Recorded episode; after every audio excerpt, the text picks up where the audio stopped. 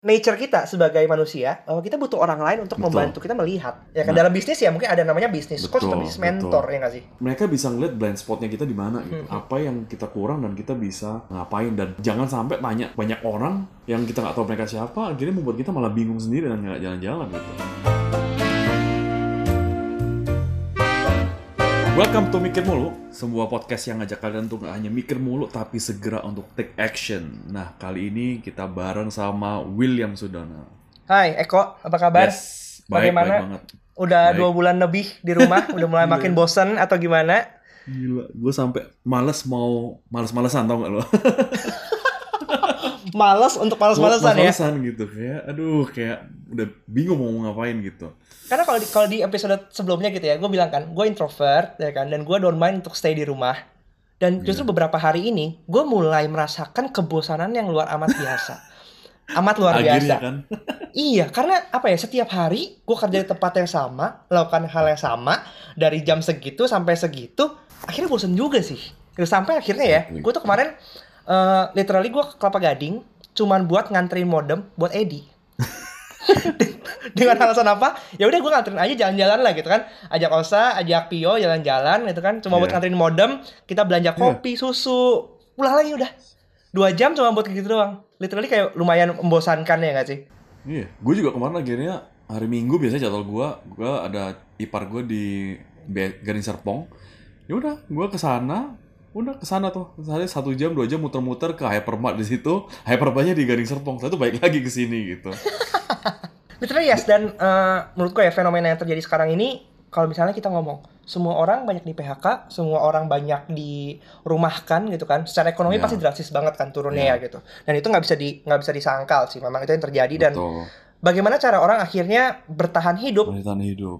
Banyak banget sekarang orang yang membuat bisnis baru. Yes. Home cooking gitu kan ya. Home cooking, masak-masak rumahan kayak gitu. Mungkin karena ini ini menyambung episode-episode yang selanjut sebelumnya gitu. Kita Sebelumnya. bahwa masak. Masak, Orang akhirnya betul. mencoba masak-masak. Dari iseng masak, buka PO. Dan gue Ya. notice gini, bahwa ketika lu memulai bisnis nih ya, sekarang tuh gampang banget. Ada sosial media.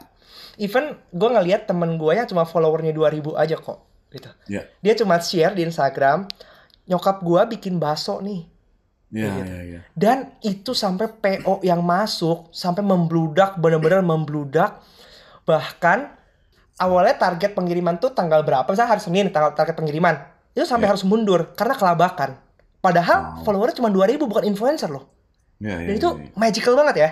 Gitu Ya. sebegitu gampangnya sekarang orang membuat bisnis. Gimana melihat lu Ya. melihat fenomena yang baru ini? Bener sih, kemarin kan gue habis ikutan kelas em, apa F&B uh, Ya. webinar gitu lah ya. Hmm. Ada satu uh, satu case yang dibawa adalah ada dua orang ibu-ibu selama tiga bulan, eh dua setengah bulan lah ya, dua bulan, mulai dari Maret, April, kemudian Mei ini dia baru kan 15 hari.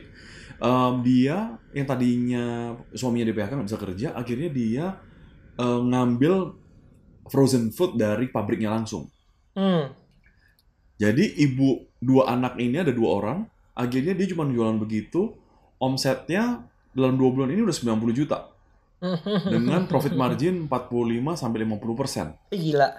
Iya, udah lumayan banget lah kalau cuma buat bertahan hidup, makan, ya kan? Kan udah cukup banget dan harusnya nggak se nggak sesusah nggak sesusah itu itu karena kan sekarang pabrik yang memproduksi frozen food yang biasanya supply ke restoran-restoran besar mereka nggak bisa supply ke restoran besar kan karena mereka juga Iya, struggling apalagi restoran yang belum mengedukasi customernya dengan digital di- apa dunia Ya, digital ya, gitu ya, kan ya. Nah ini bisa jadi makanya di setiap krisis pasti ada opportunity Ya, kan betul. Jadi gimana cara kita menimpali kan sebenarnya? iya peluangnya masih gede sekali bener nggak sih kayak Iya, betul. sekarang semuanya berbisnis dan nggak hanya food ya baju pun juga masih bisa gitu beberapa banyak hal lain kita bisa lakukan gitu Dan salah satu yang efektif itu mungkin lu nggak harus mulai sendiri ya. Lu betul kayak tadi yang bilang jadi reseller. Banyak orang yang produce dan lu nggak harus bikin Iya. produce barang juga. Lu cuma bisa jadi reseller dan juga itu menguntungkan buat dua belah Iya, pihak. betul jadi jangan semoga sih nggak jadi ini nggak jadi alasan ya sekali lagi ini pandemi bukan jadi alasan aduh ini nggak begini karena kalau kita bisa lihat kalau kita pelajarin kan stakeholdersnya kan banyak kan mulai dari yang pro- apa yang bikin produksi logistik nah satu lagi logistik itu juga jadi opportunity yang apa namanya eh, bagus banget tuh karena nggak mungkin makanan ya kan nggak nggak di kirim gitu kan. Atau nggak makanan diproduksi nggak ada yang menerima. Jadi reseller itu semua bisa jadi uh, opsi buat kita berbisnis gitu. Cuman masalahnya kita mau nggak? Menurut tuh logistik itu apakah akan berjaya gitu? Karena kan memang secara apa dengan, dengan kondisi PSBB seperti ini kan uh, perpindahan manusia itu kan sangat dilimit oleh pemerintah. Walaupun mungkin uh, dari statistiknya gitu ya gue kemarin lihat satu konten di narasi di narasi newsroom gitu bahwa yeah. perpindahan orang itu sempat nurun tapi sekarang malah naik lagi gitu karena ya sebegitu yeah. bandelnya bahkan di Twitter pun muncul uh, hashtag Indonesia terserah gitu ya karena para medis ini udah sampai sebegitu upsetnya dengan orang-orang yang sebodoh amat gitu. Bahkan kita lihat kemarin McD yeah. perpisahan betul, di Sarinah itu betul, orang betul. ngumpul sebegitu bodoh amatnya gitu kan. Sampai betul, ya betul. akhirnya PSBB ini kayak katanya dilarang. Tapi kenapa kok tetap masih bebas-bebas juga gitu. Betul betul. Ya yang gue takutin sebenarnya kan bisa aja kalau kayak kalau kalau masyarakat ignorance kayak begini kan sebenarnya bisa ripple efeknya bisa atau domino efeknya bisa malah makin parah kan.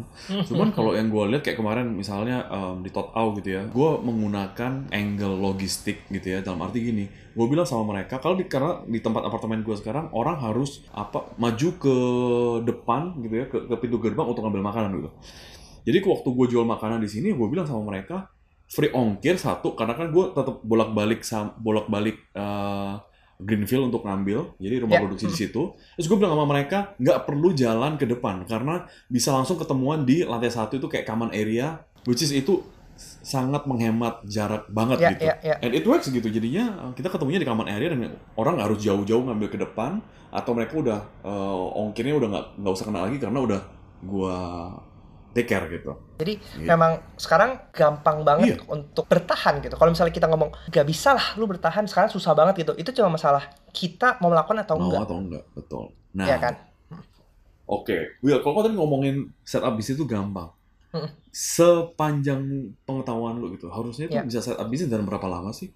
Kalau misalnya gini, kita ngomong bisnis itu dua ya. Ada yang hmm. temporary, ada yang sustainable okay. kayak gitu ya kalau kita pengen membuat itu gampang semua orang bisa membuat tapi menurut gua okay. challenge adalah gimana lu bisa mempertahankan membuat yeah, bisnis yeah. lu itu ya nggak cuman temporary aja saat lagi musiman lu booming habis hmm. kelar musimnya lu ikut turun juga kayak gitu okay. jadi okay. Uh, eh, ya membuat bisnis membangun bisnis sebenarnya butuh waktu yang cukup panjang kalau buat gua Oke. Okay. Itu untuk membuat okay. itu sustainable. Tapi kalau okay. cuma kita ikut-ikutan hype ya mungkin dalam dalam rangka hal seperti ini gitu ya ya yeah. apa pun opportunity yang ada bisa kita sikat, sikat. sebenarnya itu pun bisa yeah. jadi jadi bisnis untuk sementara waktu. Yes, kayak gitu. Nah oke. Okay.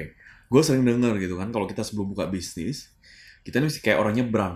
Ya kan kita mesti lihat kanan kiri aman baru kita nyebrang gitu kan ya. Sebelum maju kita mesti lihat kanan kiri. Nah kalau dari lo dalam hal bisnis ini gimana? Perlu gak sih kita lihat kanan kiri cek kanan cek kiri dulu sebelum kita maju untuk bikin bisnisnya gitu? Mungkin gini banyak orang yang akhirnya uh, ya itu. Kalau orang paham teori ya orang akan mulai menganalisa sebetulnya dari sisi ya SWOT-nya kemudian ada sisi misalnya 4P-nya kayak gitu-gitu. Dan uh, itu yang justru menurut gue malah membuat kita itu jadi kebanyakan mikir. Padahal banyak juga kok orang-orang yang tanpa teori yang kuat gitu mereka itu main jalan aja kayak gitu. Sehingga akhirnya ya udah dan bisa terjadi kok bisa jalan juga kok gitu.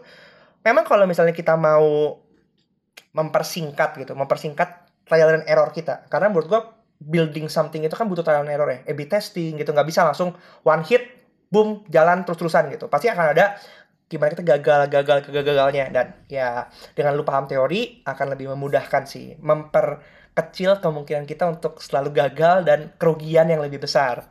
Kayak gitu. Tapi uh, ya namanya menjala bis, building a business is all about taking risk. Ya kan? Kalau lu nggak bisa mengkalkulasi risknya gitu ya akhirnya nah, lu akan berujung buntung okay. jadi ya penting untuk lu okay. paham apa yang lu lakukan potensialnya di mana marketnya sebesar apa dan investasi apa yang akan lu butuhkan sebesar apa investasi yang akan lu keluarkan. Sehingga ya dengan effort yang lu keluarkan itu lu punya lu tahu lah kira-kira ROI-nya seperti apa supaya bukan jadi kayak sebuah action yang bodoh aja gitu. Hmm, ya, ya, ya, ya. Lalu nah, Sultan. Ya, kalau Sultan mau udah nggak nggak ini ya, nggak butuh duit ya. Nah, gimana dam kalau orang oke okay, tadi mengenai lihat kanan kiri gitu ya. sama aja kayak kita perlu nggak sih tanya orang tapi soalnya kan kalau kita nggak bertanya ntar sesat di jalan Ya, ya. tapi betul. kayaknya kalau tanya terus juga nggak jalan-jalan gitu kan menurut lu gimana dalam konteks building business ya menurut gua gak masalah sih ya. Itu part of kita growing gitu. Karena kemarin gua ada ada ngobrol sama satu teman gua gitu. Hmm. Eh, gue sempat posting di Instagram soal bagaimana keadaan itu tidak bisa terjadi kembali seperti normal lagi, seperti dulu. Betul. Kayak gitu kan. Orang kan bilang new normal, new normal, new normal dan, dan menurut gua itu yang akan emang terjadi gitu. Gua ter, gua merefleksikan konten yang dipost Budi Komala di Instagram dia soal krisis Oke. 98. Bagaimana gitu ya krisis 98 itu merubah seluruh habit kita, merubah seluruh perilaku kita. Ya mungkin dulu kita tuh nggak nggak pernah tuh masuk komplek itu banyak pagar, ada hansip yang jagain ambil kartu, semua segala macam. Tapi dengan sekarang gitu, sebagai anak komplek gitu ya, gue dari kecil anak komplek nih gitu. Komplek gue tuh dibatas-batasin semua pagar-pagar gitu. Jadi akses di limit dan selalu Ya. cuma ada pintu utama yang di mana lu harus lewatin hansip dulu untuk masuk keluar masuknya gitu. Ya. Itu kan krisis terjadi, berubah semuanya. Ya. Perilaku orang berubah, orang lebih alert tentang ya possibility mungkin terjadinya hal-hal yang serupa lagi. Dan ini Ya, mungkin terjadi sama juga ketika kita ngomongin pandemi saat ini. Betul. Ya apalagi tadi barusan banget Osa tuh kirim gua uh, statement WHO bahwa ya sekarang ini orang harus bersiap-siap untuk hidup bersama corona. Bahwa Betul, corona itu betul. tidak akan hilang dalam waktu dekat. Wow, Ya. ini adalah sebuah pergunjingan gitu. Gua sendiri pun mulai merasakan bagaimana ya? Berarti semua behavior kita itu harus berubah, terutama bisnis-bisnis model yang akan berhubungan sama orang banyak itu bakal bakal chaos sih kok menurut gua. Gimana Iya, menurut lu? iya. Iya nggak sih? Bener, bener, bener. Akan nggak, ya harus mau nggak mau mereka harus berubah gitu. Makanya kalau kemarin gue lihat ada satu, kalau nggak salah, kalau nggak salah WO. Jadi instead of dia em, tadi kan kalau mau ikut exhibition, big exhibition lah ya. Tapi ternyata yang akhirnya dia buat adalah dia bikin virtual exhibition, Will. Hmm. Jadi virtual exhibition itu yang ya buat dia for free aja gitu, tapi yang dia butuh, yang yang yang dia create, yang dia manfaatkan dalam masa pandemi ini adalah dia jangan sampai brandnya dia itu forgotten gitu, Yap, yap, yap. ya kan? Apalagi kan sekarang udah nggak ada yang wedding ya kan? Kalaupun ada wedding juga paling cuma di eh, apa akad doang atau cuma di gereja doang udah selesai kan? Nah, Ya. WO udah nggak ada role apa apa dong, nah jangan sampai role-nya brandnya dia hilang, makanya dia akhirnya buat virtual eh, apa namanya virtual exhibition. Dan ternyata yang ikut itu banyak banget brandnya. Yang yang dan yang gue denger timnya dia lebih sibuk dari sebelumnya gitu. Karena Hmm. benar-benar tiap hari sekarang eh, ada inquiry inquiry mengenai eh, cari inspirasi lah tanya-tanya inilah. Meskipun ya belum kejadian gitu. Tapi at least itu bisa dia maintain sehingga kalau misalnya when this covid end atau ada perbaik ada per- ada perubahan-perubahan peraturan tertentu dia nggak terlambat untuk bisa take action gitu. Iya. Dan Gitu. ya itu itu salah satu ya cara kita adjust ya dengan kondisi ya, beradaptasi Iya. dengan kondisi ya. Tapi yang gue rasain kadang-kali gini, kita kita bisa memberikan ide buat orang lain dengan mudah. Iya. Tetapi ketika itu berhubungan sama diri kita sendiri, Gitu. Wah, dengan bisnis kita bisa sendiri pusing. gitu, kadang-kadang nggak kelihatan loh kok poin-poin seperti itu, ya betul. kan?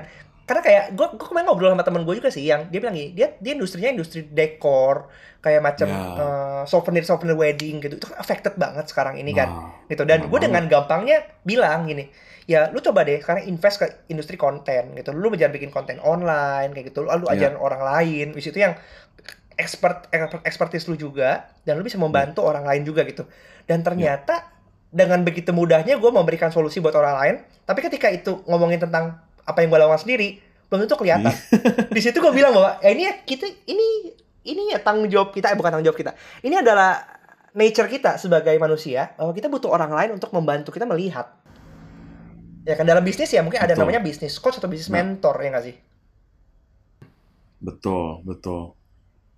It, itu menurut gue penting banget sih. Tapi ya menurut gue kita perlu hati-hati antara itu yang topik sebelum kita bicara bahwa kita mau perlu tanya banyak orang ya at- kemudian Hmm, hmm, hmm, atau kita nggak usah tanya orang kemudian jalan aja gitu. Nah em, menurut gua mentor bisa bantu kita jadi to balance gitu jadi kita jangan sampai tanya banyak orang Hmm. yang kita juga nggak tahu nih mereka siapa yang penting kita tanyain aja dulu gitu kan. Kita dengerin banyak suara. Tapi menurut gua kita bisa pilihin orang-orang yang emang kita bisa look up tuh yang kita bisa tanya mereka. Kayak Iya, tadi lu bilang iya, iya. mereka bisa ngeliat blind spotnya kita di mana gitu ya kan kalau kalau di mobil gitu mereka jadi kaca spion kita gitu kan kita bisa lihat apa yang kita kurang dan kita bisa eh, ngapain dan eh, jangan sampai tanya banyak orang yang kita nggak tahu mereka siapa sendiri punya kita mentor nggak malah sih? bingung sendiri Selama Iya, lu ka- gitu. karir lu ya, karir lu gitu. Bagaimana cara lu memilih mentor? Karena kan banyak nih. eh, tadi kan lu sempat ngomong Iya. ya, bisa banyak orang gitu. Tapi Iya, tips dari iya. lu gimana sih cara lu memilih mentor yang tepat buat lu? Oke, kalau gua mentor itu, kalau gua, gua punya dua orang mentor nih gitu. Nah, dua orang mentor ini satu yang emang dia satu industri sama gua gitu ya, Hmm. nggak nggak jauh. Satu lagi yang industrinya jauh gitu. Eh, karena kalau gua, gua suka belajar dari industri orang lain. Jadi karena gini, kalau industrinya cuma makanan, udah makanan doang, ya industri makanan menurut gua nggak akan berkembang sampai se- sejauh ini gitu. Hmm. Eh, makanya gue butuh eh, apa mentor dari industri lain supaya bisa satu kalau industri yang sama bisa improve kita gitu ya. Eh, yang industri yang lain gitu industri sektor gue bisa belajar dari industri orang lain bagaimana perspektif dia melihat kayak tadi kayak lu bisa ngasih info ke eh, yang industrinya wedding gitu kan dengan gampang Eh, lu tinggal up jadi menurut gue industri berbeda punya sudut pandang berbeda terhadap sebuah problem gitu Hmm, hmm, hmm, jadi tapi gue gak akan punya banyak banyak paling satu dua orang aja gitu Oke, apakah Kalau lu mentor gimana? itu apakah enggak kok gue mau nanya ya. Apakah mentor itu harus orang yang lebih tua dari lu? Em, lebih tua enggak, tapi yang jelas dia harus punya banyak pengalaman lebih dari gua gitu.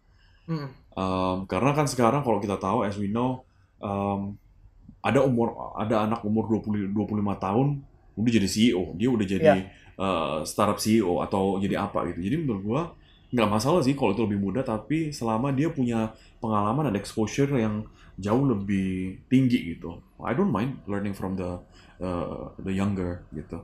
Oke. Youngster. Kalau misalnya Iya. gini, learning from the younger is okay gitu ya. Tapi menurut lu bagaimana dengan eh, input dari mungkin kalau misalnya gini gitu. Eh, kalau gue suka ya, gue suka hire fresh graduate karena menurut gue mereka belum ibaratnya infected dengan knowledge industrinya gitu. Mungkin eh, secara secara Idealis ya. pengetahuan ya, mereka mungkin secara pengetahuan mereka belum tahu banyak. Tetapi mungkin ada ide-ide liar yang itu bisa membantu kita. Apakah itu bisa disebut mentor atau cuman ya cuman kayak brainstorm partner aja gitu?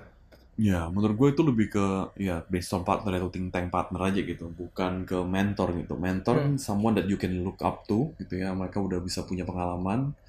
Um, tapi ya it, it- can be from apa different aspect ya. Misalnya bisa aja mentor for your finance gitu kan, Ya. atau mentor for your um, relationship misalnya, Hmm. atau buat bisnis gitu. Itu bisa aja. Tapi kalau bisnis yang tadi yang gue bilang, gue cuma punya dua dan uh, dua-duanya di atas gua dan karena gua butuh pengalaman gitu dari mereka karena dari sisi um, kalau uh, apa namanya uh, a new knowledge gue bisa akomodir itu gitu kan Hmm. tapi kalau dari sisi wisdom um, pengalaman itu nggak bisa dibeli gitu and is is is, is apa uh, value-nya very valuable gitu kalau gua Oke. ya kalau gua Ya, ya, ya, ya. ya. Kalau Iya, lu? gue sih ya ya gue gue punya ya beberapa ada ada ada mentor gitu yang selalu biasa memang orang seperti yang lu bilang betul bahwa harus someone you look up to gitu orang yang punya expertise karena Iya. kalau misalnya kita ngomong dengan orang yang nggak punya expertise ya akhirnya kan cuman brainstorming biasa aja gitu tetapi Iya. dengan berkonsultasi dengan orang-orang yang punya expert mungkin jam terbangnya harus lebih banyak daripada kita Iya, makanya baru bisa, disebut mentor gitu kan betul, betul. ya even gini gue mau mecat karyawan aja. Gue harus Iya. konsul dulu. Bagaimana Iya, cara yang tepat untuk menyampaikan kapan waktu yang tepat kriteria apa yang harus eh, ada gitu supaya itu valid gitu. Atau memang ini perlu dipertahankan. Betul, kayak betul. gitu. Dan ya ses- sesimpel itu sih. Sebenarnya nggak harus something yang besar gitu. Nggak ngomong harus kayak bisnis dalam skala besar dalam teknis ya perintilan-perintilan dalam fungsi-fungsi gitu. Ya lu Iya. bisa mencari orang-orang yang yang yang tepat mentor lah gitu. Ya buat gue sih penting ya dalam set- setiap orang yang mau memulai sesuatu pasti butuh mentor. Karena ya mentor itu akan membantu kita melihat apa yang kita nggak pernah lihat apa yang mungkin emang ada di depan kita itu sering kali gitu kan. Kita selalu ngelihat jauh ke depan. Kita pengennya selalu kelihatan keren. Padahal apa yang ada di depan kita itu sebenarnya lebih praktikal dan lebih gampang dilakukan, tapi nggak pernah kita lakukan kayak gitu. Dan Hmm, apalagi di masa-masa pandemi ini. masa-masa pandemi ini Iya. betul. Jadi tips pertama gue adalah ya, ya lu lu bisa mencari mentor siapa pun gitu ya. Nggak harus orang yang ekspor, orang yang punya nama Oke. besar gitu. Itu bisa siapa pun yang ada di sekeliling lu. Yang penting punya kriteria tadi. Ada jam terbangnya dan dia expert di bidang-bidang tertentu sehingga Iya. opininya itu bisa reliable buat lu. Lo mesti lakuin gitu. Ya. Jangan jangan lo setelah tanya-tanya gitu kan, uh, you get all the wisdom and then you do nothing gitu atau you just sit there and wait gitu, uh, and wait and see gitu kan kayak ya ngapain juga gitu. Mungkin mentor lo yang dengerin lo juga kayak ya elah ngapain sih gitu kan. ya. Um, so basically you need to do it gitu kalau dari gua sih gitu. ya, ya, ya basically baik banget emang ya orang yang nanya, nanya, nanya. Even sekarang kita ngomong webinar banyak ya kan. Oh iya kelas begitu pulang dari webinar kayak merasa pumped up, fired Iya. up, Setelah eh, itu apa? semangat banget. Abis itu oh iya gitu, lakuin ya ntar dulu deh, nunggu dulu deh gitu. Akhirnya percuma nggak nggak berubah-ubah juga gitu. Yang paling penting adalah ya lu kapan actionnya. I think hari cukup ya sesi ini. Ya Oh. semoga bermanfaat. Bagaimana Yes. orang butuh mentor dan Ya. seberapa penting peran mentor dalam apa yang lo lakukan, terutama bagaimana lu bisa membuat bisnis lu sustainable kayak gitu. Kalau misalnya bikin betul. ya cuma bikin sementara, menurut gua semua orang bisa. Tapi membuat Iya. sustainable itu yang yang tricky ya dan ya tetap Iya. lu membutuhkan orang lain untuk membantu lu melihat blind spot itu. Betul. Apalagi di pandemi-pandemi ini kan mungkin yang lebih tua mereka udah pernah ngalamin misalnya kasus 98 kayak tadi gitu Ya, kan. Mereka uh, udah pernah tahu, mereka udah pernah ngalamin. Meskipun nggak separah ini gitu, tapi at least krisisnya pernah kejadian, ada krisis finansial juga di 2008. So mungkin bisa learn from them juga gitu. Ya, ya. Ya. Sorry, pertanyaan terakhir kok. Apakah setiap yang mentor lu infokan ke lu itu harus dilakukan atau lu harus juga menyaring dan mengadaptasi karena Oke. mungkin pengalaman dulu itu nggak relevan sama sekarang gitu. That's a good question. Tapi menurut gua em, harus gua so, apa filter lagi dicocokin ke tadi kan situasi eh, misalnya kerjaan gua gimana, situasi secara gua personally juga gimana. Karena nggak semuanya tadi benar bisa di applicable gitu. Karena kan dia kan pasti kasih reference atau kasih ideas berdasarkan apa yang dia pernah lewatin, apa yang pernah dia tahu kan. Ya. Belum tentu itu bisa cocok dengan kita sekarang gitu. So tetap semuanya mesti kita filter lagi. But tadi yang penting menurut gua you need to take action whatever it is gitu. Ya, ya sama halnya dengan apa Iya. yang kita sampai sampaikan di sini. Mungkin Yes. nggak semuanya applicable buat kalian, tapi paling nggak Ya. kalian mencoba dan kalian mulai memfilter, melakukan apa Betul. yang kalian dapat dari sini gitu. Oke, semoga sesi ini bermanfaat buat kalian. Yes. Kalau misalnya ada pertanyaan atau ada ide-ide yang mau dibahas selanjutnya, kalian bisa drop di Instagram kita di @mikirmulu. Please engage sama kita apa pun yang kalian butuhkan. Mungkin punya ide juga topik atau mungkin kalian juga pengen ngobrol bareng sama kita. Iya. Kita bisa melakukan itu. Boleh banget. Yang penting kalian bisa sampaikan apa yang menjadi keresahan kalian supaya kita bisa sortir juga topik apa yang menarik buat kita bahas bareng-bareng. Yes. So, kita juga tayang ini Will, kita juga sekarang tayang dua, dua minggu sekali, eh dua kali Ya. seminggu, setiap Dua hari Rabu dan Sabtu. Ya. Gitu. I think that's it for today. Oke? Sampai jumpa di episode berikutnya. Kalau mikir mulu, Kapan action? actionnya? See you guys. Bye-bye.